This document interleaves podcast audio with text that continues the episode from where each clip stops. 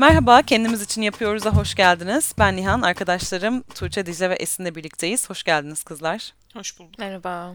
Bu hafta kaçırma korkusundan, FOMO'dan bahsedeceğiz ama öncesinde gündemle başlamak istiyoruz. Türkiye'de bir deprem yaşadık. Maalesef hepimiz bunun acısını yaşıyoruz. Depremden etkilenen dinleyicilerimize de geçmiş olsun diliyoruz. Yakınlarını kaybeden varsa başsağlığı diliyoruz. Ee, herkesin acısı bu kadar tazeyken öncelikle dinleyicilerimizin acısını yaşaması için, bizim de biraz bunu hazmetmemiz için süre geçmesini e, istedik. Her hafta içerik ürettiğimiz için de bu haftada yine dinleyicilerimize olan sorumluluğumuzu atlamak istemedik. Biraz daha farklı bir içerik dinlemek isterseniz, kafa dağıtmak istersiniz. Biz burada olacağız. Yine bu haftada dinleyicilerimizle birlikte olmak istedik. Kendimiz de aynı zamanda hani sohbet ederek ve bu acımızı genelde paylaşarak hayatlarına devam eden bir grup olarak bugünü de pas geçmek istemedik. Eklemek istedikleriniz var mı? Yani şöyle biz bu konu hakkında da konuşmayı istiyoruz. Özellikle afet durumlarında neler yaşıyoruz, sonrasında bununla başa çıkmak için neler yapmak gerekir? Biz bu afetten etkilenmeyenler yani birebir etkilenmeyenler olarak sorumluluklarımız neler bu konu hakkında konuşmak istiyoruz. Ama bu konu hakkında hazırlanmadan, e, kafadan bir takım şeyler paylaşmak istemedik. Özellikle sosyal medyada da çok büyük bilgi kirliliği de yaşanıyor. O yüzden bunu araştırıp bu konu üzerine biraz kafa yorup farklı bakış açılarını görüp ondan sonra e, biz de bu konu hakkında bir bölüm çekmeyi düşünüyoruz. Sosyal medyada aslında bilgi kirliliği yaratmamaya e, dikkat etmek çok önemli bu esnada ama bir yandan da e, dijital platformları bir avantaja çevirerek çok fazla e, hesap hızlı bir şekilde afet bölgesine yardım gönderebilmek için örgütlenme aracı olarak kullandı bunu. Biz de buna elimizden geldiğince destek olmaya çalıştık ve e, kendimiz için yapıyoruz Instagram hesabımızdan bir takım önemli bilgileri e, paylaşmaya özen gösterdik. Önümüzdeki günlerde de buna devam edeceğiz. Aynı zamanda daha sonra deprem ya da doğal afetler özelinde konuşmak istediğimiz bölümde de insani yardım deneyimlerimizden bilgiler sunarak dinleyicilerimizi bu konuda biraz daha bilinçlendirmeye çabalamayı hedefliyoruz. O zaman bugün konuşacağımız konuya geçelim. Fear of missing out yani geri kalma korkusu, bir şeyleri kaçırma korkusu olarak Türkçe'ye çevirebiliriz bunu. Bu sosyal bir kaygı olarak tanımlanıyor. Yani sanki başkasının yaptığı herhangi bir etkinlik, bir deneyim biz bu deneyimin içinde olmadığımız zaman sürekli geride kalıyormuş hissi yaşama gibi bir durum. Aslında bu özellikle sosyal medya zamanı çok fazla gündeme geldi. Ben de araştırma yaparken daha çok şunu gördüm. Hani Facebook zamanından sonra yani 2010'ların başında biraz bu konuyla ilgili makaleler en fazla şekilde yayınlanmış. Tabii o zaman daha fazla kullanılan sosyal medya Facebook'muş. O yüzden daha çok Facebook'ta insanların yaptığı paylaşımlar üzerinden bu konu gündeme gelmiş. Ama aslında bu terimin kullanılmaya başlaması 2000'li yılların biraz öncesine dayanıyor. 1998 yılında bir e, girişimcilik üzerine yazılmış bir makalede ilk kullanılmış. Neden girişimcilik? Ve müdürler için kullanılmış. Çünkü ilk bundan bahseden kişi girişimcilere, müdürlere şöyle bir tavsiye vermiş. Sürekli bir şeyleri kaçırma korkusu, korkusuyla her yöne yatırım yapmaya çalışmayın. Her yönü kurtaramazsınız gibi bir durumdan türemiş. Daha sonra 2000'li yıllarda da pazarlama stratejilerinin de bir deneyim satmak üzerine kurulu olmasıyla birlikte yani bir ürün satmaya çalışırken bir üretici bu ürünü kullanmayanların kaçırdığı bir deneyim olarak pazarlıyor. Yani televizyonlarda, reklamlarda daha çok bu şekilde yer alıyor ve e, buna sahip olmayan insanlar sanki kaçırıyormuş gibi hissediyor. Tuğçe bir şey mi söyleyecektin? Yok sadece onaylıyorum. Aynen. yani evet hani mesela FOMO deyince hep bir bu işin sosyal medya ayağı konuşuluyor. Sosyal medyanın bunu e, bu sosyal baskıyı ve sosyal endişeyi ne kadar körüklediğine dair ama bu sadece sosyal medyadan gelen bir şey değil aslında. Son 20 yılın bütün pazarlaması da tam olarak o FOMO'yu tetikleme üzerine kurulu. Bütün pazarlama şirketleri son 20 yıldır neredeyse bütün e, pazarlama yapan şirketler aslında tam olarak FOMO üzerine oynuyorlar. Yani sattıkları bütün ürünleri aynı sen söylediğin gibi Nihan e, biz size benzer, benzersiz bir şey satıyoruz. Sadece ürün değil deneyim satıyoruz ve bunu almazsan belli bir komünitenin dışında kalacaksın fikri üzerinden evet. satmaya çalışıyor. Yani bu sadece şey değil yani şu an FOMO'yu tetikleyen bir çağda yaşıyoruz. Her yerden gelen bir e, sosyal kaygı hali bu aslında. Ve insani içgüdüsü olarak da bir temeli varmış bunun. Yani aslında Türkçe'de de bir atasözü var ya komşunun tavuğu kaz görünür diye. aslında e, insanların bu kıtlıktan korkması üzerine ta oraya kadar giden bir e, evrimsel süreci varmış. Yani bu aslında insanın çok basit bir duygusundan faydalanarak geliştirilen bir strateji. Şu an maruz kaldığımız. Tabii bizim deneyimlediğimiz bilmiyorum yani siz nasıl deneyimliyorsunuz? Yani alışveriş olarak bu hiç ortaya çıkıyor mu sizde? Ya da en çok hangi konuda mesela yaşıyorsunuz bunu? Ya bu kaçırma korkusunu araştırırken şöyle bir şeye rastladım. Nihan belki sen de görmüşsündür. Ee, bu ilk bu fenomen ortaya çıktığında buna bir yin yang gibi hani tez antitez gibi başka bir fenomen daha bulunmuş. Harvard'da yapılan bir takım çalışmalarda. Ona da e, fear of better option demişler. Yani her zaman Fobo. daha iyi bir opsiyon olması. Aynen fobo. E, her zaman daha iyi bir opsiyon olması korkusu. E, böyle bakınca yani FOMO ile gerçekten el ele giden bir şey gibi geliyor. Çünkü yani hayatta bir takım seçimler yapıyoruz ve her zaman tam verim almaya çalışıyoruz. Ama nedense yapmadığımız şey yani reddettiğimiz ve e, ikinci plana attığımız şey her zaman daha eğlenceli gibi görünebiliyor. Ben foboyu anlamadım tam.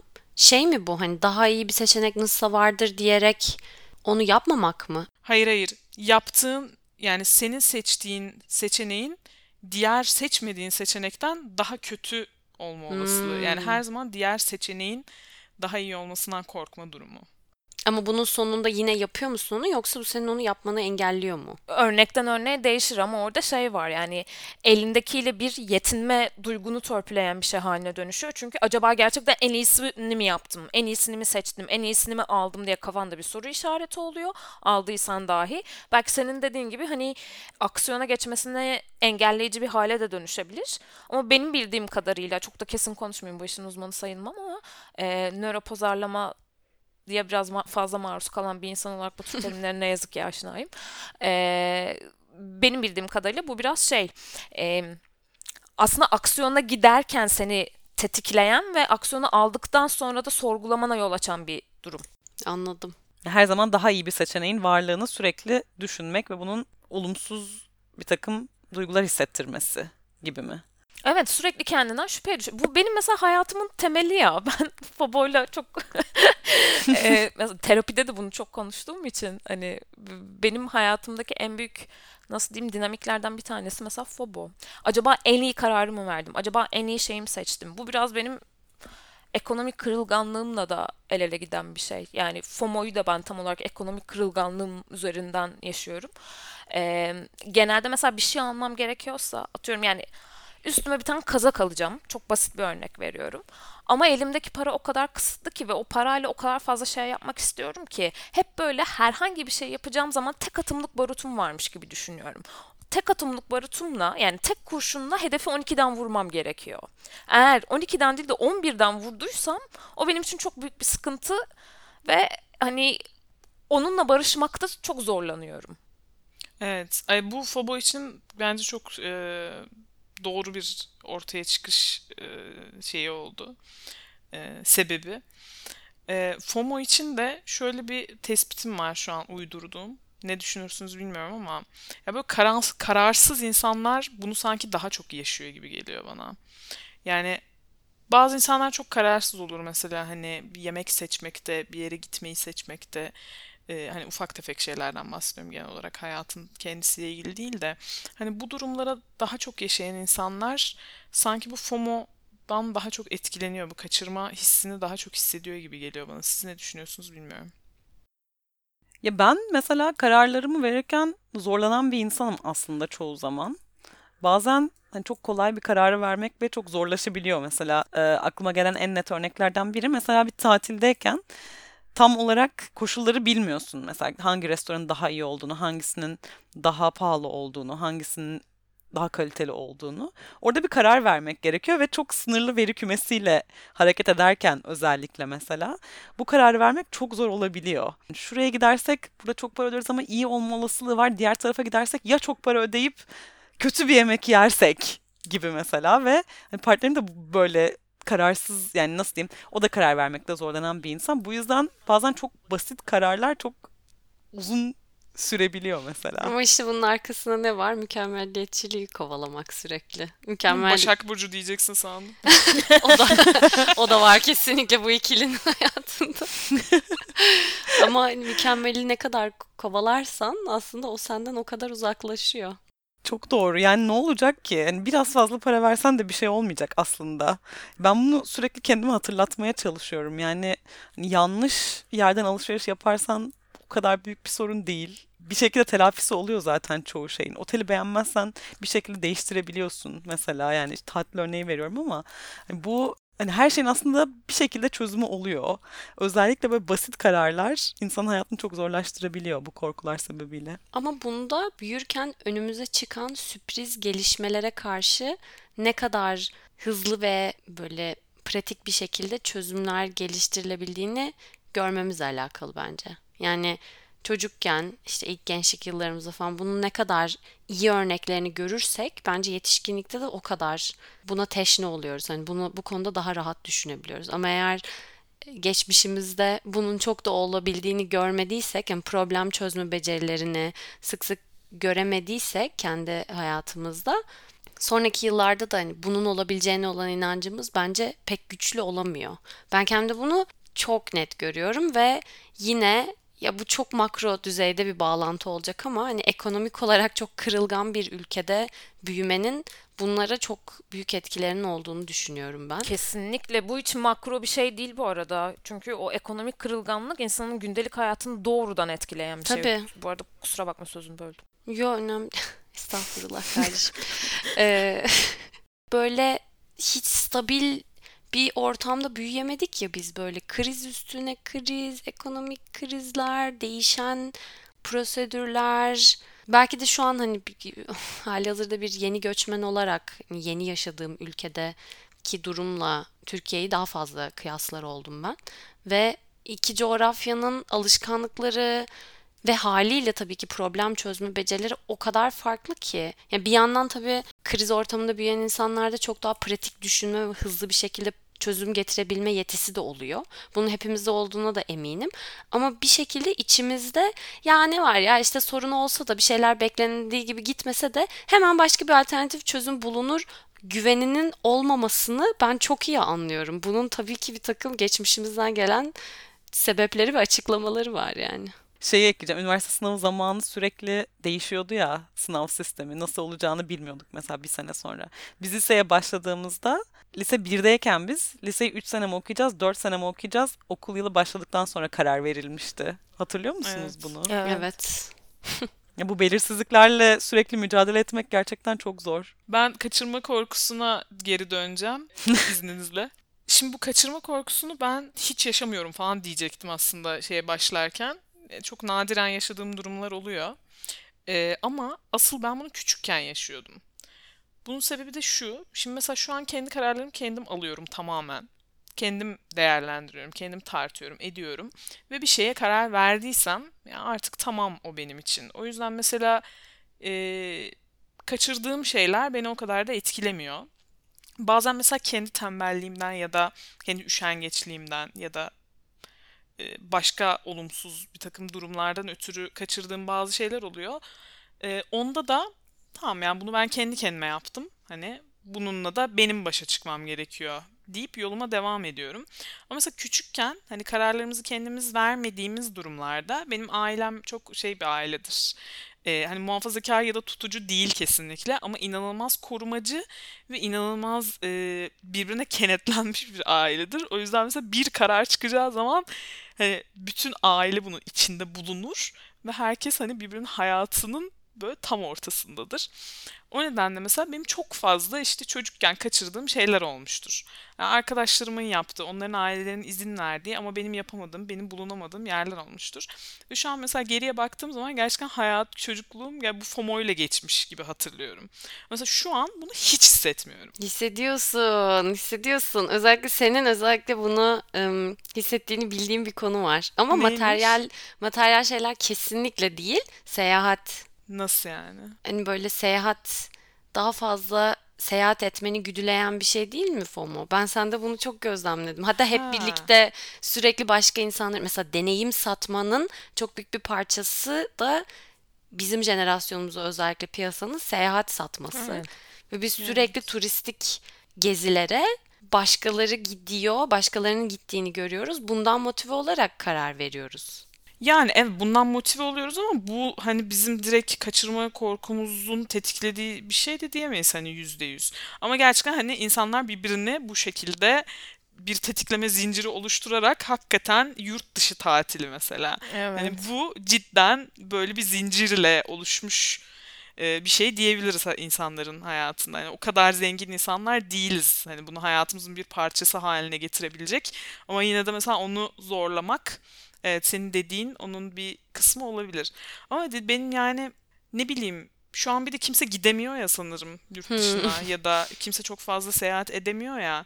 O yüzden aklıma gelmedi mesela öyle bir Hadi şeyden ya bahsetmek. çok ilginç. Evet. Olabilir. Belki ben senden daha yoğun hissediyorumdur bu arada tabii ki. Ama benim kesinlikle hayat, FOMO'mun en büyük kısmını seyahat oluşturuyor. Benim de.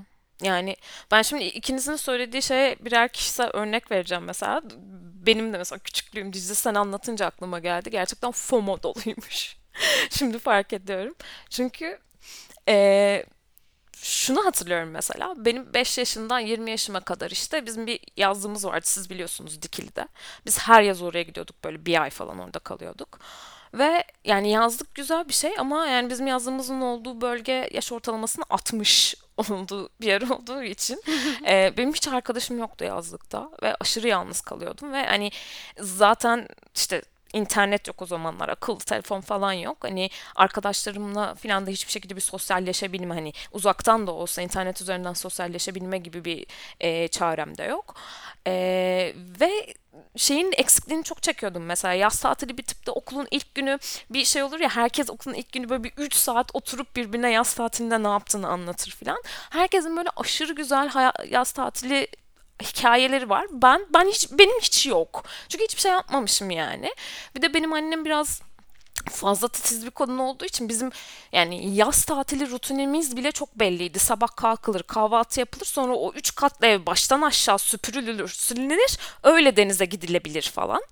Ve şeyi çok hatırlıyorum mesela hani em, annem bana mesela Arap sabunuyla halı yıkıyoruz terasta, yazlığın terasında. ve böyle 15-16 yaşında falan ve ağlıyorum yani şu an yaşıtlarım Bodrum'da Çeşme'de yaz aşkı yaşıyor. Benim yaptığım işe bak Arap sabunuyla halı yıkıyorum lanet olsun falan diye. Arap sinirden ağladığım, aynen. Sinirden ağladığım zamanları hatırlıyorum mesela. Sizin yazlığınız varmış. Biz ben bütün yaz tatilimi Ankara'da geçerdi. Ben kardeşime bakardım. Benim yaz tatillerim hep böyleydi. Beklerdim ki biri yazlıktan dönsün. Esin iki aylık tatilinden dönsün falan da beklerdim. Nihan gitmezdi mesela. O da Ankara'da kalırdı. Benim gibi.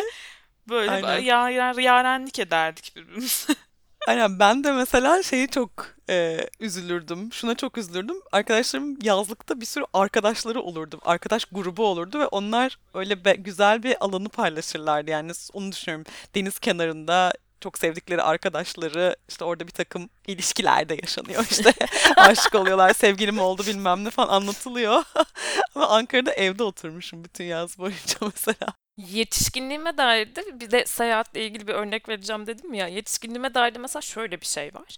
Bence bu FOMO eee yani ekonomik kırılganlığa biraz önce o yüzden bağlamaya çalıştım aslında. Hani kendine ait hissettiğin sosyal yani sosyal olarak kendine ait hissettiğin sınıfla ekonomik olarak ait olduğun sınıf arasında bir farklılık varsa eee, bence FOMO'yu yaşama ihtimalin çok daha fazla artıyor. Bunu ben kendimden biliyorum. Şöyle biliyorum.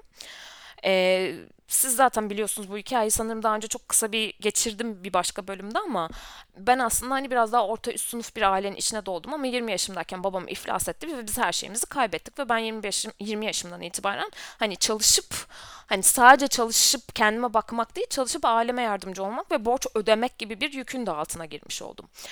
Ve böyle olunca bu benim hayatımda şöyle bir ikilem yaratmış oldu. Yani beni biraz arafa sokuşturdu bu durum. Ee, kültürel olarak, sosyal olarak kendime ait gördüğüm işte biraz daha orta üst sınıfa artık ekonomik olarak ait değildim. Ee, ve işte çok kere bahsettim. Bir plaza çalışanı olarak oradaki ortamları hani hepimiz üç aşağı beş yukarı biliyoruz yani. Mesela bayram tatili oluyor 10 günlük. Herkes birbirine tatile nereye gidiyorsun diye soruyor. Yani tatile gidiyor musun diye sormuyor mesela. Yani zaten ön kabul 10 günlük tatilde herkesin bir yerlere tatile gideceği, herkesin yurt dışına bir yerlere tatile gideceği ve etrafımda hep şöyle şeyler konuşuluyordu. Ee, biz İtalya'nın güneyindeki köylere gideceğiz çünkü bütün büyük şehirleri gezdiğim için artık biraz da İtalya'nın kırsalına gitmek istiyorum falan gibi. Hani ben İtalya'yı dünya haritasında zor bulabiliyorum yani o kadar dünyayı görmekten uzağım o sırada. Hani vapura binip Kadıköy'e geçmem bile sıkıntı. Ee, millet İtalya'nın köylerini geziyor ve çok üzülüyordum mesela o zaman da. Yani 25 yaşındayım atıyorum. Deliler gibi çalışıyorum. Ama Ha, ne yapıyorum o parayla, ne yapabiliyorum? Hani etrafımdaki bütün insanlar inanılmaz güzel deneyimler yaşıyorlar, farklı dünyalar görüyorlar, farklı kültürler tanıyorlar. Ben evde hani çalışıyor, çalışıyor, çabalıyor olmama rağmen hiçbir şekilde onların seviyesine erişemiyorum diye bir yetersizlik hissine maruz kalıyordum mesela. Daha doğrusu kendi kendime maruz bırakıyordum. Peki bu konuda yani bu esnada düşündüğün şeylerden biri de şu muydu? Bence bunu tespit edersek FOMO'nun asıl temel şeylerini de daha netleştirmiş olacağız. Mesela sen dedin ya 25 yaşındayım. Çevremdeki insanlar şunları şunları yapıyor. Tabii ki bahsettiğin örnek çok geçerli. Çünkü yakın çevrende sürekli iletişim halinde olduğun insanların ne yaptığını duymak bir kıyas noktası açısından önünde bir hedef oluşturuyor. Ama onun dışında sen de kendi kendine kafanın içinde 25 yaşındayım bu yaşımda yapmam gereken şey dünyayı gezmek ya da bu yaşımda seyahat edeceğim. Canım bir daha ne zaman seyahat edeceğim gibi mi düşünüyordun?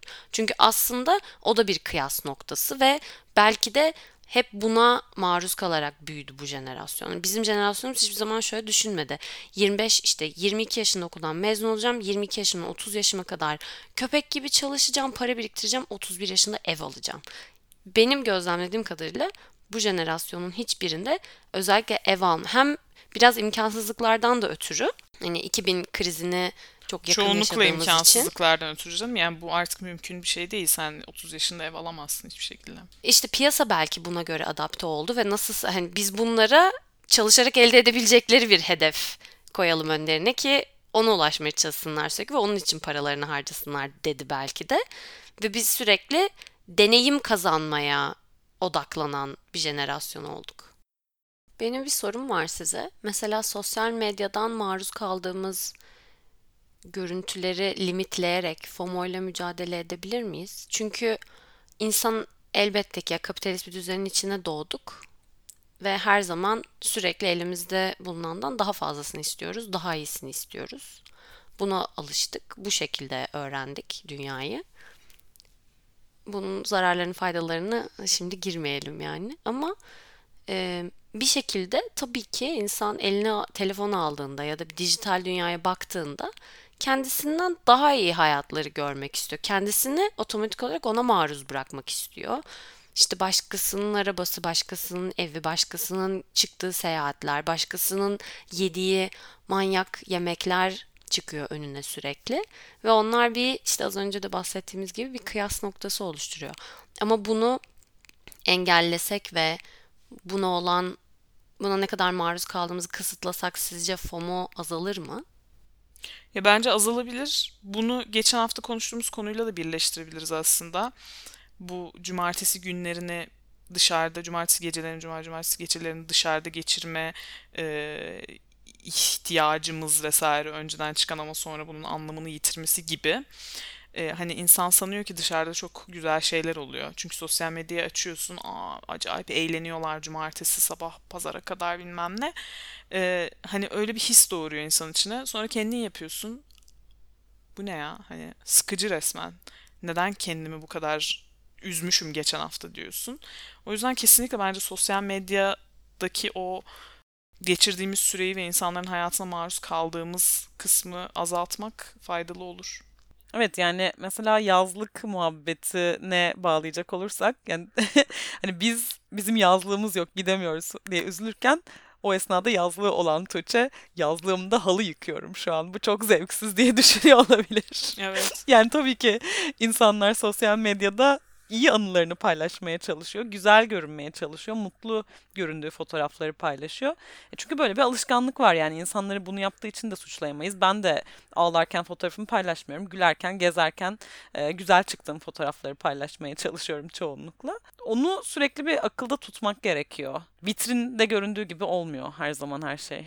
Ben mesela son dönemde sosyal medyamı bir filtreden geçirdim. Özellikle son birkaç ayda kötü etkilendiğimi düşündüğüm hesapları sessiz aldım veya takipten çıkardım ve bu bana çok iyi geldi. İş sebebiyle veya başka bir şekilde takip etmek zorunda kaldığım insanların paylaşımlarına maruz kalmak istemedim. Bunun da sebebi sanki herkes çok mutlu, işinde harika çalışıyormuş ve yaptığı işten inanılmaz keyif alıyormuş gibi bir takım görüntüler paylaşıyordu. Tamamen benimle alakalı da bir şey bir yandan. Ben de iyi fotoğrafları paylaşmaya çalışıyorum az önce de söylediğim gibi. Ama bana şöyle iyi geldi. Herkes işinde çok mutlu, inanılmaz paralar kazanıyorlar. Aşırı iyi geçiyor ve çok başarılı hissiyatı bende biraz azaldı bunlara maruz kalmadığım zaman. Çünkü kendim bir geçiş aşamasındayım şu an ve e, bundan etkilenmek istemedim. Bu tabii sadece Instagram değil ya. LinkedIn'i bir açıyorsun. Herkes terfi almış. Herkesin kariyeri müthiş ilerliyor. Herkes co-founder. Herkes işinden bir de çok memnun. Çünkü yani tabii ki e, self marketing platformu olduğu için Evet. herkes orada kendini bireysel olarak pazarlıyor. Tuğçe'cim sen daha iyi bilirsin. E, Estağfurullah. hani böyle o platformda herkesin tabii ki bu kendini pazarlayabilmesi için profesyonel olarak sürekli her şeyden müthiş olumlu bahsetmesi gereken. Kötü bir şeyden bile bahsedeceksen onu değiştirip tonunu yine de olumlu bir şeye bağlıyorsun. Ha belki de hayatta her şey böyle yani kariyerimize başımıza gelen kötü şeyler de en nihayetinde olumlu bir şeye yol açıyor olabilir ama ya LinkedIn'i açmak bazı günler benim için bir şey oluyor ya. Hani ne diyeyim ya İşkence. işkence oluyor ve böyle o kadar darlanıyorum ve o kadar sahte geliyor ve o kadar e, tamam abi herkes çok iyi okey ben kaçırıyorum bunu deyip böyle FOMO'm çok tetiklenip e, küsüp LinkedIn'e böyle haftalarca girmediğim oluyor ve işimin de çok büyük bir parçası sürekli maalesef girmem lazım o lanet platforma. Ama evet sadece Instagram değil yani bir takım başka e, branding platformları da bunu besliyor. Abi daire. Ben dairedeki evleri izleyip Allah aşkına niye benim evim böyle değil ya, falan diye daire o kadar da. gerçek dışı ki gerçekten FOMO bile Tabii canım. yaşatmıyor insana hani. Ya. Ben hiç böyle düşünmüyorum ya. Çok gerçek dışı ya. Çok Ben gerçek dışı başka bir şey söyleyeceğim. yani. E, LinkedIn'den bahsettin. Ben bu FOMO'yu biraz iş konusunda yaşadığımı fark ettim şu an sen söylerken. Mesela böyle şeyler oluyor. Şimdi hani bir ekibiz. E, ve ekipte herkesin farklı görevleri var tabii ki ama bazen böyle yeni görevler ortaya çıkıyor vesaire. Ona birileri seçiliyor. Onlar bir şey yapıyor. Yani ben bazı görevlerde oluyorum, bazılarında olmuyorum. Böyle bir şeye seçilmediğim zaman böyle bir bir rahatsız oluyorum. Ya hani böyle ekstra yük, ekstra sorumluluk istediğimden değil ama hani ya neden bunlar vardı ben yokum? Ne yapıyorlar acaba? Bu kesin benim yaptığım işten daha güzel ve önemli bir iş. Hep bu şeyler geliyor mesela içime. Ya halbuki hani tamam hani onu da yapmayı ver zaten.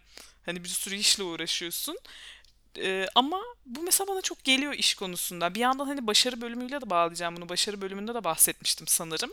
Evet. Ee, böyle bir ekibe seçilmediğim zaman kendim acaba beni başarısız mı buluyorlar diye düşündüğümü. Hani o ikisi bir birleşiyor bende. Ya onu bir merak ediyorum. Acaba orada neler dönüyor? Bir de bu sosyal medya konusunda benim tersten yaşadığım bir FOMO da var. Şimdi mesleğim medyada olduğu için ve meslektaşlarımın çoğu çok sık paylaşım yaptığı için sanki ben paylaşım yapmadığım zaman bir şeyleri kaçırıyormuşum hissiyatı da oluyor Hmm. bende. Sanki o an sürekli paylaşım yapmak zorundaymışım gibi. Atıyorum bilmem ne yayınındayım, beklerim yazmadığım zaman veya işte spor işte basketbol salonlarında fotoğraf paylaşmadığım zaman bir şeyleri kaçırıyormuşum hissiyatı oluyor. Aslında hani bir eksik bir fazla fotoğraf bir şey değiştirmeyecek ama benim kafamın gerisinde sürekli ben yeterince paylaşım yapmıyor muyum acaba düşüncesi oluyor. Veya Twitter'da da yine e, sanki belli bir konuda gündemi kaçırdığım zaman çok büyük bir problemmiş gibi. Yani yeterince Twitter'da vakit geçirmediğim zaman tamamen konuya uzak kal konudan uzak kalıyorum. Bir haber kaçıracağım, gündemi yakalayamayacağım ve bu konu üzerine aslında benim konuşacak çok şeyim var, benim söyleyecek sözlerim de var ama ben bunu o anda paylaşmadığım için artık bu treni kaçırdım gibi de hissediyorum mesela ve bu hiç bitmeyen bir Fırsatı his. kaçırıyormuşsun gibi. Soruna dönecek olursak sosyal medyayı azaltırsak bu his azalır mı? Ee, tam Evet. tersi etki de yaratabilir demek ki. Hani Nihan'ın sosyal medyayı örneğinde, tamamen evet. kapattığında da yani şu an neler oluyor? Hani hiçbir bilgi alamıyorum. İnsanların hayatları konusunda da, gündem konusunda da ve kaçırıyorum gibi. Evet. İşte ne yapıyorsan aslında yapmadığında aklının kalması. Geçen gün bu konuyu kuzenimle konuşuyorduk. Kuzenim şu an e, çok şanslı. Amerika'da master yapıyor. Diyordu ki yani Amerika'ya gitmek için çok uğraştı. Gerçekten en büyük hayaliydi. Amerika'da eğitimine devam ediyor ve çok mutlu, çok güzel bir düzen oturttu orada. Ama Amerika'dayken diyor ki İstanbul'daki çevremde aklım kalıyor ve sürekli orada bir şeyleri kaçırıyorum gibi hissediyorum. İstanbul'dayken sürekli daha önce de Amerika'da bir takım deneyimleri olmuş. İstanbul'dayken de gece gündüz Amerika'yı düşünüyordu. Nerede değilsen orayla ilgili bir bilmiyorum takıntı mı geliştiriyorsun yani sürekli nerede değilsen kaçırdığının kaçırdığında kalıyor aklın. Evet, bir de bağımlılık gibi. Yani sosyal medyada zaman geçirdikçe e, geçecekmiş o FOMO gibi geliyor ama aslında baktıkça daha da fazla besleniyor. Paylaşım yapma konusunda da böyle mesela. Hiç sosyal medyaya girmesem bütün bir gün boyunca aklıma paylaşım yapmak da gelmiyor. Başkalarının hayatlarına bakmak da gelmiyor ama hani orada vakit geçirmeye devam ettikçe daha fazla sorguluyorum. Yeterince paylaşım yapmıyor muyum diye. Be- be- besliyor. Sürekli besleyen bir şey bu birbirini. Döngü gibi yani bir kısır döngü. Peki kaldık mı böyle arkadaşlar? Hiç buna alternatif yok mu? Çünkü sosyal medyayı azaltmak gerçekten çok zor. Herkes bangır bangır bunu konuşuyor ama yani yapamadığımız da ortada. Ya sosyal medyayı azaltmak evet bir opsiyon ama onun dışında zaten bence temelde bir şeye bakmak gerekiyor. Yani bu FOMO'yu tetikleyen unsur ne? Mesela hepimiz için verdiğimiz kişisel örneklerde çok farklı şeyler çıktı ortaya. Mesela Dicle'nin işle ilgili böyle bir FOMO'su daha fazla ve burada işte başarısızlık korkusu ya da hani başarı algısı, başarısızlık korkusu değil ama başarı algısıyla çok el ele giden bir şey. Bence önce bir o FOMO'yu tetikleyen korku unsurunu kendimizde ne olduğunu sorgulamakla başlıyor iş. Ve o korku unsuru üzerinde kendinin ne kadar kontrolü olup olmadığını bir gözetmek gerekiyor. Yani işte benim örneğimde işte insan yani etrafımdaki insanlar sürekli yurt dışına tatile gidiyor. Ah işte ben gidemiyorum falan gibi böyle biraz prenses bir yerden bir örnek verdim. Ama hani ben bunu nasıl ya bu benim kendi yaşanmışlığımda şöyle cereyan ediyordu. Allah'ım herkesin hayatı mükemmel. Bir tek ben aşırı boktan bir hayat yaşıyorum. İşte başıma neler geldi. Babamı iflas etti. Ne kadar büyük bir kurbanım gibi bir psikolojiye giriyordum ve fark ettim ki o kurban psikolojisi bana daha iyi bir hayat yaşatmayacak zaten. Evet İtalya'nın güneyindeki köylere gidemiyorum ama mevcut hayatımı ne kadar zenginleştirebilirim ve farklı deneyimleri para olmadan nasıl kazanabilirim üzerine kafa yorarsam oradan bir şey yakalayabilirim diye düşünmeye başladım. Ya evet bir de bak burada söylediğin çok önemli bir şey var. İnsanların hayatının dışarıdan nasıl göründüğünün bizi çok etkilemesi. Yani insanlarla aslında ya biraz insanlarla sohbet ettiğin zaman, biraz böyle derinlemesine bir şeyler konuştuğun zaman aslında onların da senden çok bir farkı olmadığını anlıyorsun. Yani onların da başka dertleri olduğunu, onların da başka FOMO'ları olduğunu falan fark ediyorsun. Ya bunu bir bu şeyi açınca, perdeyi açınca insanın hayatı daha da kolaylaşıyor gerçekten. Veya kariyerle ilgili de yani herkesin kendi yolu var ve herkesin kendi temposunda ilerliyor bazı şeyler. Bazen biraz geride durmak da gerekebilir. Bazen biraz geriye çekilip beklemek de gerekebilir. Zaten dümdüz bir çizgi değil ve hani bu kadar başarılı görünen insanlar da muhtemelen dümdüz basamaklardan çıkarak oraya gelmediler veya arka planda çok başka şeyler de olabilir. O yüzden bunu akıldan çok çıkarmamak gerekiyor.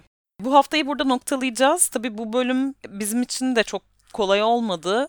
Hepimizin enerjisi her zaman olduğu kadar yüksek değildi e, yaşanan depremden ötürü. E, Ama önümüzdeki hafta yine farklı bir konuyla burada olacağız. Bir şekilde size ulaşmaya devam edeceğiz. Umarım siz de biz duyduğunuz için mutlu olmuşsunuzdur. Yeniden görüşmek üzere, hoşçakalın. Hoşçakalın. Hoşçakalın.